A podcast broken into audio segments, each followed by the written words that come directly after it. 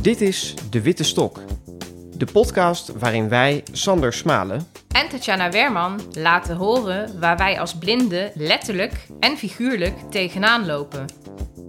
Open je ogen voor de dingen die wij net even anders zien. Welke rol is er voor ons weggelegd in de maatschappij? Hoe komen wij van A naar B en hoe is dit logistiek geregeld? En waarom zit het merendeel van de blinden zonder werk? En hoe zit het met hobby's en sociale contacten? In deze podcast ben je getuige van onze belevenissen. Van de dingen die goed gaan, maar ook van de dingen die anders gaan dan je eigenlijk zou willen. In deze aflevering laten we horen dat we ons niet altijd blind voelen en nemen we je mee naar onze kindertijd. Ook hoor je waarom ik manchmal een andere taal spreek. Ik kan me niet herinneren wanneer ik me ervan bewust werd dat er iets met me aan de hand is. Vanaf het moment dat ik dingen registreerde, is mijn blindheid een vanzelfsprekend gegeven. Het was voor mij toen ook al gewoon om dingen op de tast te ontdekken. Ik kon mijn ouders niet nadoen, omdat ik de bewegingen die ze maakten niet kon zien. Dus moest alles stap voor stap worden uitgelegd.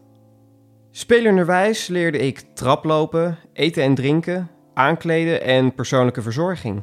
Ook was ik erg nieuwsgierig en ging graag op onderzoek uit. Zo leerde ik met vallen en opstaan dat een muur hard is, een trap soms iets eerder komt dan je verwacht en dat een brandend kaarsje niet altijd voor een goede sfeer zorgt. Er waren ook visuele dingen die ik maar niet begreep. Wat moest mijn vader nou met een laptop? Er kwamen prachtige geluiden uit, maar voor de rest zag ik het nut er niet van in. Nu is dat wel anders en help ik mijn vader als hij computerproblemen heeft. De 23-jarige Morena kan zich nog het moment herinneren waarop ze hoorde dat er iets met haar ogen is. Ik was een jaar of drie en um, ja, mijn vader heeft het mij verteld toen ik in een schommeltje zat toen hij me aan het duwen was.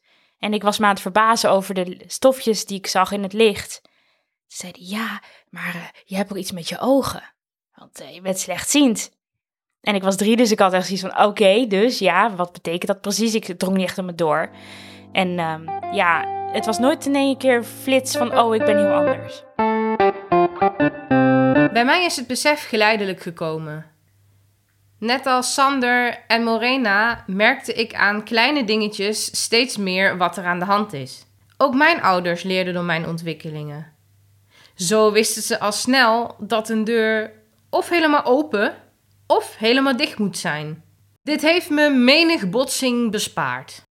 Mijn ouders wilden dat ik zo normaal mogelijk mee kon doen met waar nodig een aanpassing. Als het was uh, om de kersttijd of jouw verjaardag in februari, ja, dan zijn we dan in de winkel geweest uh, voor speelgoed en dan hebben we echt gekeken, wat kunnen we kopen? Wat kan Tatjana? Wat kunnen wij veranderen in dat speelgoed voor haar?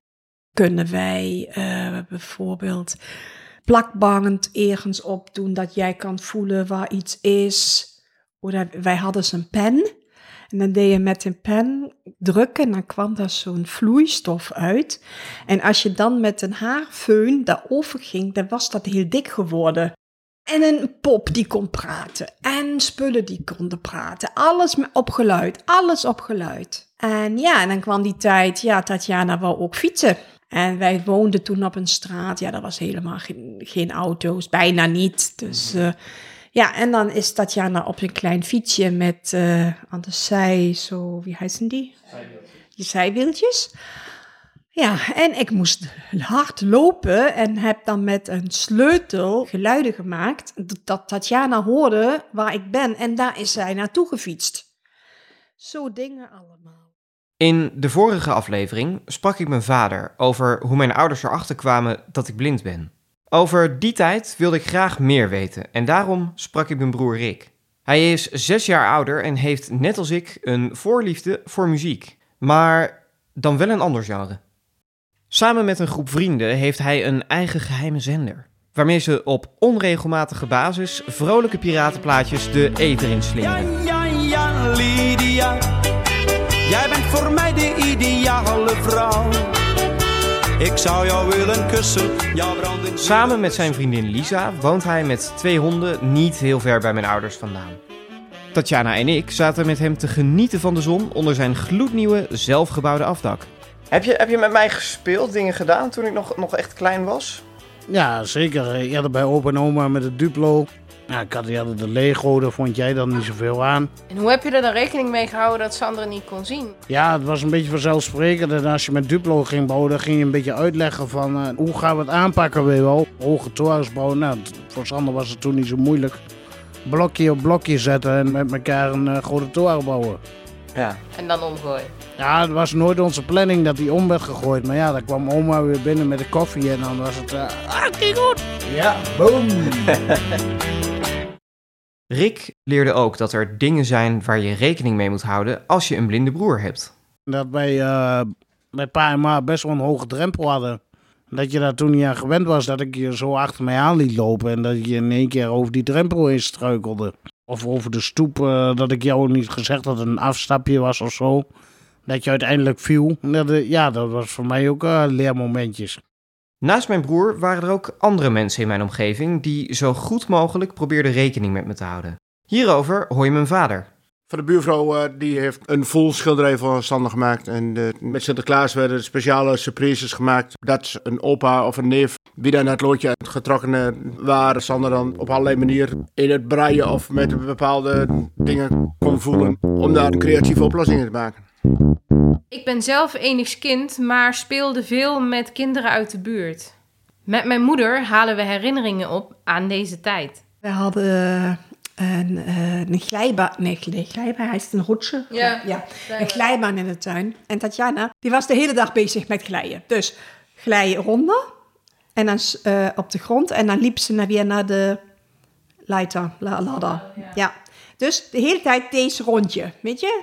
En er stond één keer een kindje in de weg. En Tatjana heeft het omgelopen. En dan zei die moeder, maar helemaal niet bij beseft... Tatjana, jij moet uitkijken waar je loopt. En dan pas dat wij zo... Huh?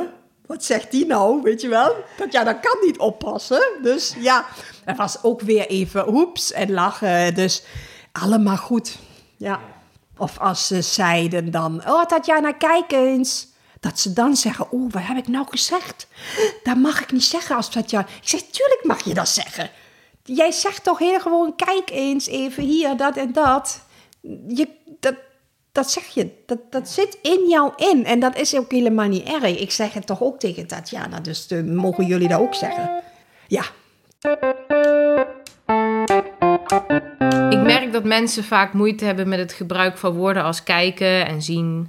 Dat is toch raar? Ik bedoel, je hebt het toch ook niet over tv luisteren? Het is gewoon normale spreektaal, daar zit nou eenmaal kijken in. En ik denk juist als je die woorden ook gaat mijden, dat je steeds herinnerd wordt aan dat je anders bent. Als we het dan toch over spreektaal hebben, ehm, talen, jij hebt er wel wat mee volgens mij. Ja, zeker weten. Ik ben eh, tweetalig opgevoed. Mijn oma is in Nijmegen geboren. En ze is eind jaren 60 met mijn opa getrouwd. En mijn opa komt uit Duitsland. Het een dorpje vlak eh, over de grens. Hij eh, had daar al een baan en toen besloten zij om zich daar te vestigen. En twee jaar na hun trouwen is mijn moeder geboren. En mijn moeder is dus ook in Duitsland opgegroeid. Heeft daar mijn vader leren kennen en ja, vandaar dat ik ook Duitse ben. Ehm, en omdat mijn familie half Nederlands is, ben ik echt van begin af aan tweetalig opgevoed. Maar hoe ging dat later bij jou dan? Want mijn ouders die vonden het heel erg lastig eh, en zaten ook met de vraag of ik naar de reguliere peuterspeelzaal zou gaan en, en ook hoe dat later met school moest. Ja, bij mij was dat heel anders. Ik heb de basisschool en het voortgezet onderwijs in Nederland bezocht. Maar daarvoor ben ik eh, hier in Duitsland nog bij de miniclub geweest. Dat is eigenlijk vergelijkbaar met een peuterspeelzaal. Ehm, en bij de groep waar ik in zat, zaten ook een aantal kindjes met een eh, beperking. Daarna ben ik hier in het dorp naar de kindergarten geweest. Dat is vergelijkbaar met groep 1 en 2 in Nederland. En daarover hebben mijn ouders geen enkel moment getwijfeld om me daar naartoe te sturen. Maar ik denk dat mijn moeder daar beter iets over kan zeggen. Nee, eh, ik heb daar helemaal niet over getwijfeld. Want ik vond dat Tatjana moest. Want zij, was, zij had geen zusters of broertjes. Dus zij was alleen thuis bij ons. En dan moest zij met kinderen omgaan. Want dat vond ze niet fijn. Ze vond andere kinderen in haar eh, in de neer. In, eh, In haar buurt? ja, helemaal bij haar in de buurt. Hè? Niet, Ja, om haar heen, zeg maar. ja, vond ze nooit fijn. Ja. Nee, zij wist nooit wat doen, hun, die, wat doen ze nou met mij, weet je wel. En dat vond ze nooit fijn. En daarom was het heel belangrijk dat zij met kinderen samenkwam. Hoe ging dat tussen jullie? Ik bedoel, de meeste kinderen die gaan dan huilen en mama. En, Nee, eh, nee, nee, nee. Jij was in de kindergarten en dan hebben we ook gezegd dat ik dan eerst maar erbij blijf eh, en eh, paar dagen. En dan daarna was ik nog een uurtje of twee erbij. En dan ene keer Tatjana dan, nee mama, jij moet naar huis. Je is in kindergarten en geen mamagaten. Dus ja, en op die dag dan ben ik naar huis en alles was goed. Ik groeide op in het Twentse dorpje Markelo. Een klein dorpje waar iedereen elkaar lijkt te kennen. Verhalen verspreidden zich er als een lopend vuurtje. Toen bekend werd dat ik een relatie heb met Tatjana, probeerde iedereen zich in zijn beste Duits aan haar voor te stellen. Toch zijn er ook voordelen aan een kleine gemeenschap als Markelo. Waar mogelijk helpen mensen elkaar en er is een actief verenigingsleven. Zo zingt mijn vader in het Markeloos mannenkoor en doet hij bij veel mensen in de buurt de tuin. Ik kende niet veel mensen in Markelo, omdat ik na de peuterspeelzaal speciaal onderwijs heb gevolgd. Op die peuterspeelzaal heb ik een fijne tijd gehad, in de klas bij juffrouw Joke. Voordat Joke hier meer over vertelt, is het goed om te weten wat Joke deed voor ze peuterleidster werd. Begin jaren 60 werkte ze voor Bartimeus, een christelijke instelling die zorg en onderwijs faciliteert voor mensen met een visuele beperking. Vanaf dag 1 werkte ze in Almen, voor mensen met een meervoudige beperking. Ze waren in eerste instantie blind of heel slechtziend. Daarnaast eh spastisch, waterhoofden, eh, geestelijk zware beperking. En ik heb daar een maand of drie gewerkt en toen ben ik naar mijn baas gegaan. Ik zei, meneer ga ik ga naar huis, ik stop hiermee. Toen zegt hij, "Wat- wat krijgen we nou? Ik zeg, ik vind het zo erg. Ik slaap er niet van en ik, ik vond het verschrikkelijk. Je nam het mee naar huis. Ik nam het mee naar huis. Toen zegt hij, nou juffrouw Vosman, zo formeel ging dat toen nog. U gaat maar naar huis, maar u komt terug. Ik zei, nou denk het niet. Toen zegt hij, nou dat denk ik wel, want u bent uitermate geschikt voor dit werk. Ik denk, man, je kunt me wat. Ik ben naar huis gegaan en mijn vader stond aan de trein. En dat was heel bijzonder, want mijn vader had nooit tijd, was altijd druk. En die zegt, wat krijgen we nou? Ja, ik ga er nooit meer heen, ik kan het niet, ik wil het niet. Nou, zijn vader, gaan we niet meer. Ik kom maar naar huis, we zien het wel. En ik ben een week thuis geweest, tien dagen. En ik ging mijn tas pakken en mijn moeder zegt, wat gaat er gebeuren? Ik zeg, ik ga er weer heen. En ik was erdoor. En ik heb er vier jaar met heel veel plezier gewerkt, maar het was zwaar. Maar wat was dan dat omslagpunt dat je dacht van ik ga het toch doen? Ja, dat ik toch het gevoel had, ik kan daar iets betekenen.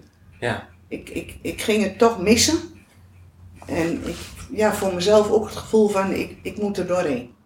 Wat een bijzondere, veerkrachtige vrouw. Uit de vier jaar waarin ze voor Bartimeus werkte, heeft ze een mooi verhaal.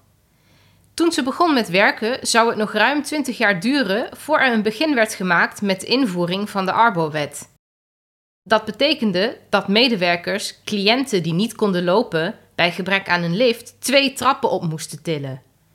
Zo was er Joop, Die jongen die was 16 jaar en die was halfzijdig verlamd. Dus alleen zijn bovenlichaam kon nog een beetje, maar benen kon hij niet meer gebruiken. Nou, en dan lag hij onder aan de trap en dan zeiden mijn collega's, Joke, neem jij Joop mee? Ja hoor, ik neem Joop mee. Ik was kennelijk nog wel fysiek nog wel sterk. Dus dan gooide ik hem zo over mijn schouder heen, als een, als een zak meel. En dan hadden we de grootste lol. En dan liep ik de trap op en dan zong ik, Joop, we gaan naar boven. Joop, ga je mee naar boven? Ga je mee naar bed? En dan kwam de directrice aan, zuster Bakker. Joop, je ook het niet doen? Want meneer de Vries zit hier, dominee de Vries. En dat was de directeur van Bartimeus. En meneer Van Haafden, dat was de penningmeester. En die had een vergadering. En die hoorden dat ik dat liedje zong met Joop. Maar Bartimeus was natuurlijk een christelijke instelling en daar paste dat liedje niet bij. Maar Job had de grootste lol. Nee, dat mocht niet. Ga je mee naar boven, ga je mee naar bed. Onder de wollen dekens hebben we de grootste pret. Dan mocht ik natuurlijk niet zingen. Dat de dominee kon horen. Maar de z- zuster Bakker was onze directrice, die vond het hartstikke leuk. En Joop had lol. En daar het zeg als Joop het leuk vond, dan... Ja. eh, Ja, dat denk ik mee.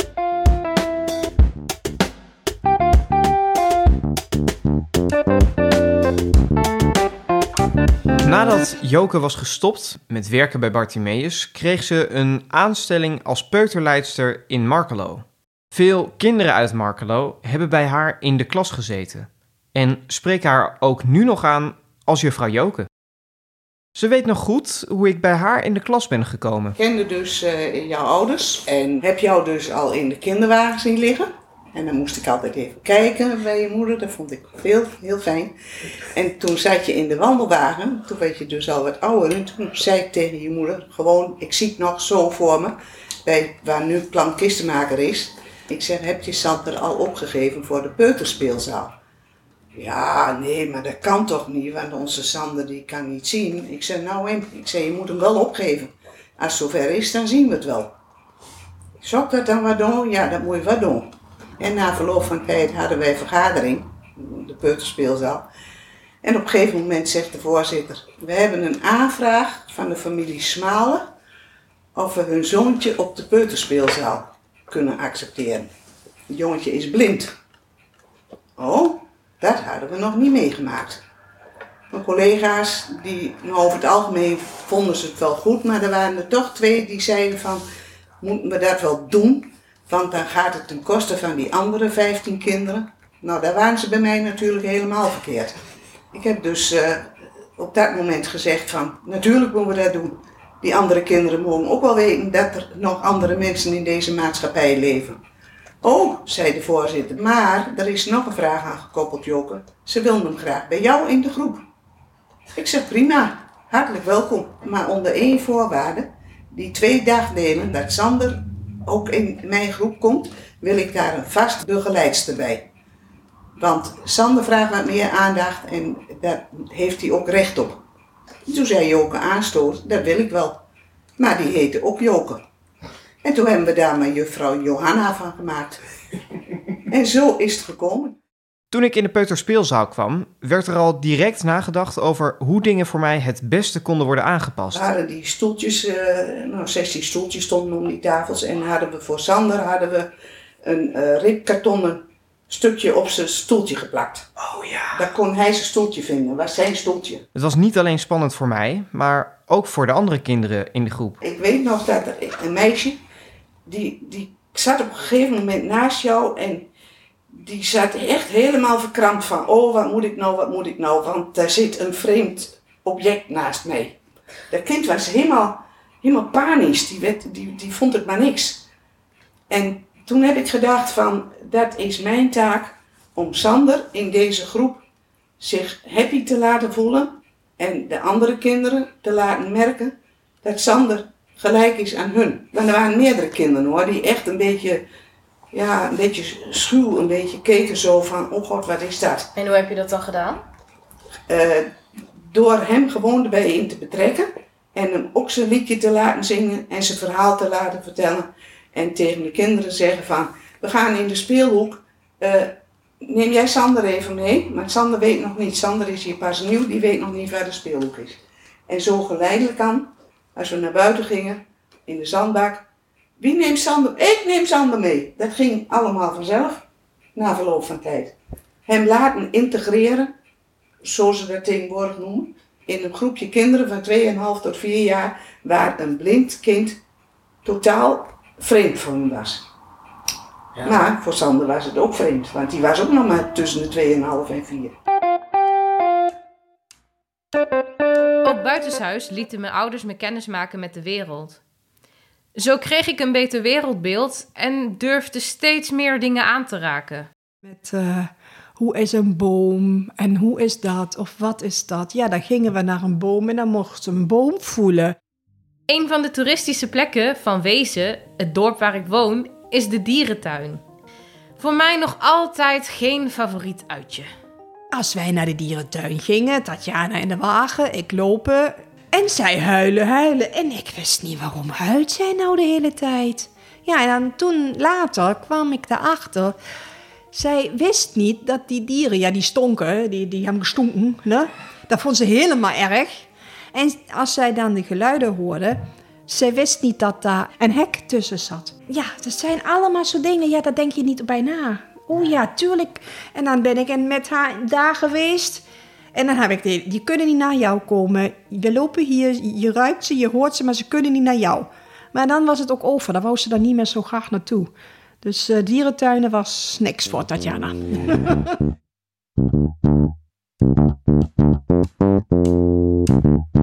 Tatjana en ik zijn allebei naar een speciale basisschool gegaan. Wat een opgave moet het voor onze ouders zijn geweest om een antwoord te vinden op de vraag speciaal onderwijs of toch een reguliere school? Is er een goed antwoord te vinden op die vraag? Beide vormen van onderwijs hebben zo hun voors en hun tegens. Peuterleidster Joke heeft hier een duidelijke mening over. Mensen met een beperking horen net als ieder ander bij de gemeenschap. Ik heb ook eh, een kindje met Down syndroom gehad. En eh, daar heb ik heel erg voor gestreden dat ze naar de reguliere onderwijs ging. Althans om te beginnen. Want ik vond het heel belangrijk, zowel voor het kind als voor de ouders, dat ze in een gemeenschap als Markelo erbij hoorden. Ja. Dat, Ja. dat de, de kindertjes in de buurt zijn jarig. Ja, moet nou vragen? Nee, want die zit niet bij ons op school, want die gaat naar Hengelo naar school. Kijk, vanuit dat oogpunt vond ik dat, heb ik daar echt wel voor gestreden. Ik zou heel erg graag willen dat het reguliere onderwijs daar meer kon bieden. En dan moeten ze gewoon met extra begeleiding. Want met jou is niks mis mee. Je kan wel loslopen. ja, dat heb je altijd gekund. Maar dan denk ik, ja, waarom? Waarom uit zo'n buurtschap weghalen? Waarom jou hier weghalen? Maar het, het schijnt niet mogelijk te zijn. Dat, dat zal wel een financiële kwestie zijn. Mijn broer Rick denkt hier heel anders over. Nou, ik denk dat is, ja, dat is typisch iets markloos. Ik denk dat je gepest wordt eh, op een gewone school. Dat merk ik nu al. Als je een kwaal hebt hier in Marklo, mocht je last hebben van je been, dan is er twintig man wat erover oordeelt van, eh ja, zou je dit of dat niet hebben? En eh, iedereen weet het beter, behalve de dokter zelf, die weet het niet. En eh, ja, daar komt het eigenlijk op neer. Dus in Markelo zeg jij eigenlijk van, eh, nee, dat eh, zou ik niet doen. Ja, maar wat ik dan wel ervaar, die eh, is een jongen hier in Marklo, die is eh, slechtziend. En die eh, gaat mee naar de tentfeesten en dat soort dingen. Maar die jongen die wordt overal bij betrokken en eh, die wordt overal mee naartoe genomen. Als hij naar de wc moet, dan nemen ze hem mee naar de wc. En dan denk ik bij mezelf van ja, zo kan het ook. Er was een, bij een weekend wat wij aan het draaien waren met een geheime zender. Er viel een man uit een scootmobiel. Als je jong bent, als je 16 jaar bent, 17 jaar, dan ga je erbij staan lachen van... eh haha, wat heeft die sukkel dan weer wel? Maar nou had je gewoon zoiets met elkaar van... Oh, eh, hij heeft die spierziekte. We moeten hem helpen dat hij weer zijn scootmobiel komt. Op je 16 dan denk je dat je de hele wereld aan kunt. En eh ja, op brommers rijden, roken, en bier drinken. En eh, ja, en nou eh, kom je op jezelf en dan denk je van... eh, oh, het leven steekt toch gewoon een klein beetje anders in elkaar. Het is niet eh, alleen maar bier drinken en eh, dat soort dingen. Sander, schaam jij je voor het gebruik van hulpmiddelen? Nou, in het verleden wel. En nu soms eigenlijk stiekem nog wel een beetje. Ik Oh? vond het in het begin heel erg lastig om de trein in te lopen met mijn stok. Ja, het was voor mij allemaal veel te zichtbaar dat ik anders was. Dus zo snel mogelijk probeerde ik mijn stok achter me te verbergen of in mijn tas. Of in ieder geval dat men hem niet kon zien. Dat is wel grappig, want ik heb dat juist met foto's of zo. Als iemand een foto van me maakt, dat ik dan zoiets heb van... ik wil liever geen stok in beeld om, om dat dan uit te stralen. Maar in de trein dan heb ik zoiets van, ja, kijk er maar naar. Je mag hem wel zien. Zeker, zeker. Daar ben ik ook al van teruggekomen hoor. Maar het was wel eh, een- moment van, van acceptatie. Het heeft ook best wel Ja, lang dat snap geduurd. ik ook wel. En dat had ik ook met de vloeistofindicator. Oké, vertel. Nou ja, misschien goed om even uit te leggen wat het is. Ja. Heb je zin in een kop thee? Ja, lekker. Nou, dan maken we er gelijk eentje. De vloeistofindicator is een plastic kastje met twee eh, staafjes eraan. En dat kastje hang je dus met die staafjes in een kopje. En als je dat dan vol schenkt met water, dat kopje, dan hoor je op een gegeven moment een pieptoon.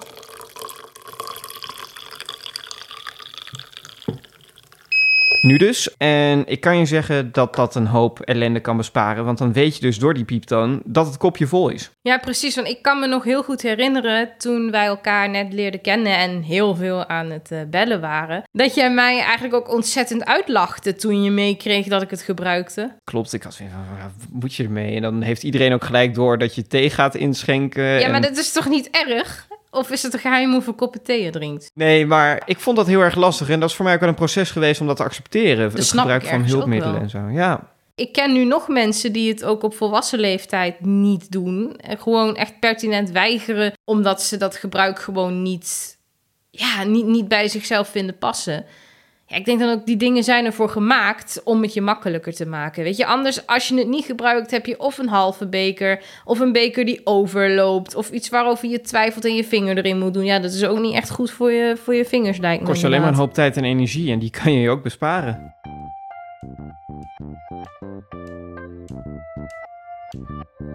Onze familie heeft ons zo goed als mogelijk naar eigen inzicht proberen te ondersteunen.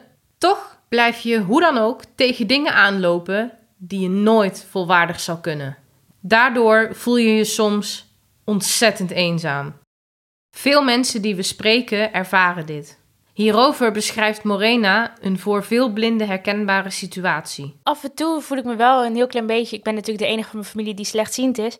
Dus dan voel ik me wel een beetje een eh, ja, buitenbeentje. Dan kan ik dingen niet die eh, anderen wel kunnen. Bijvoorbeeld toen mijn zus haar autorijexamen had gehaald. Nou ja, mijn ouders waren super trots. En ik dacht, ja, logisch, want zij is de eerste dochter. En ook de, eigenlijk de oudste die dat kan doen. Hoe is dat nou eigenlijk om eh, samen met Rick op te groeien? Ik bedoel, ik ben zelf enigskind. Nou ja, het ene moment waren we water en vuur. En het andere moment twee handen op één buik. Dus dat wisselde heel erg. Ja, zoals een normale broer-zusrelatie eh, naar het schijnt is.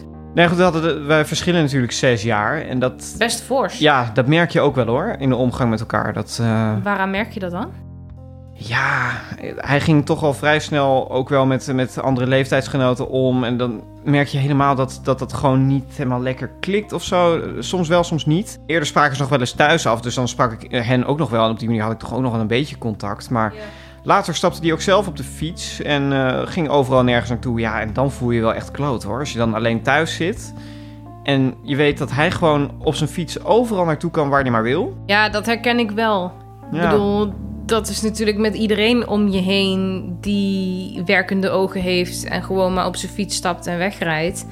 Ja, dat, dat mis je dan wel. Je moet voor jezelf alles plannen, alles regelen, alles vragen. En zij hebben zoiets van, ah, ik ga nu weg, doei. Ja, precies. En als, dat was ook wel eens met ruzies met mijn ouders. En als mijn broer dan ruzie had, ja, dan, dan stapte hij ook even op de fiets, was hij weg. En ik kon niet weg. Nee, je zit eigenlijk een beetje gevangen in je eigen huis. Ja. En Rick heeft daar ook wel mooie dingen over gezegd.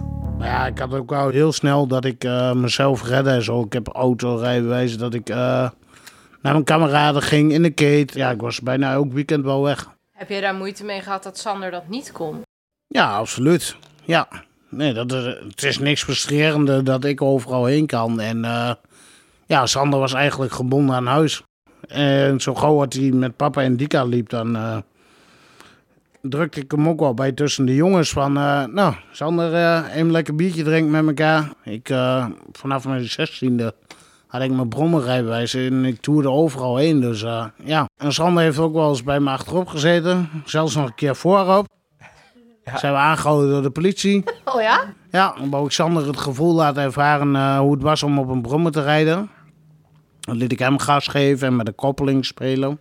En eh, ja, toen stond de politie voor mij en eh, die zegt tegen mij van... "Wel, je mag niet over het trottoir heen rijden, je hebt beide geen helm op. En ik zei, nou, deze jongen is blind. Ik zeg, ik wou hem gewoon even rustig het gevoel laten ervaren. Hoe het was om op een brommer te rijden. Nou ja, uiteindelijk met de boete van 60 euro vanaf gekomen. En ik geloof dat mijn ouders hem nog betaald hebben. Dus, eh, dat scheelt dan ook. Veel mensen om ons heen zijn we dankbaar. Dankbaar voor hoe zij ervoor zorgen dat wij ons niet altijd blind hoeven te voelen. Hele kleine dingetjes kunnen voor ons soms al het verschil maken. Zoals dat stukje ribbelkarton op de stoel in de peuterklas bij juffrouw Joke. Of dat plakbandje om iets te herkennen. En ook zijn er de ervaringen die we voor geen goud willen missen. Dat drankje te veel in de discotheek en stiekem toch een keer op de brommer rijden. Toch is er nog veel onzekerheid en onwetendheid. Zowel bij mensen als bij de systemen. Voordat wij onszelf niet meer blind hoeven te voelen, is er dan ook nog een lange weg te gaan. Dit was De Witte Stok. De Witte Stok is een podcast van Sander Smalen En Tatjana Weerman in samenwerking met Dag en Nacht Media en wordt gesponsord door Auto.nl. Heb je vragen? Mail naar wittestok.gmail.com Eindmontage Christabel Kaptein Audiovormgeving Studio Cloak De volgende aflevering staat op 20 november online. Heb je genoten van deze aflevering? Deel hem met vrienden, familie en collega's. Meer informatie is te vinden op wittestok.nl.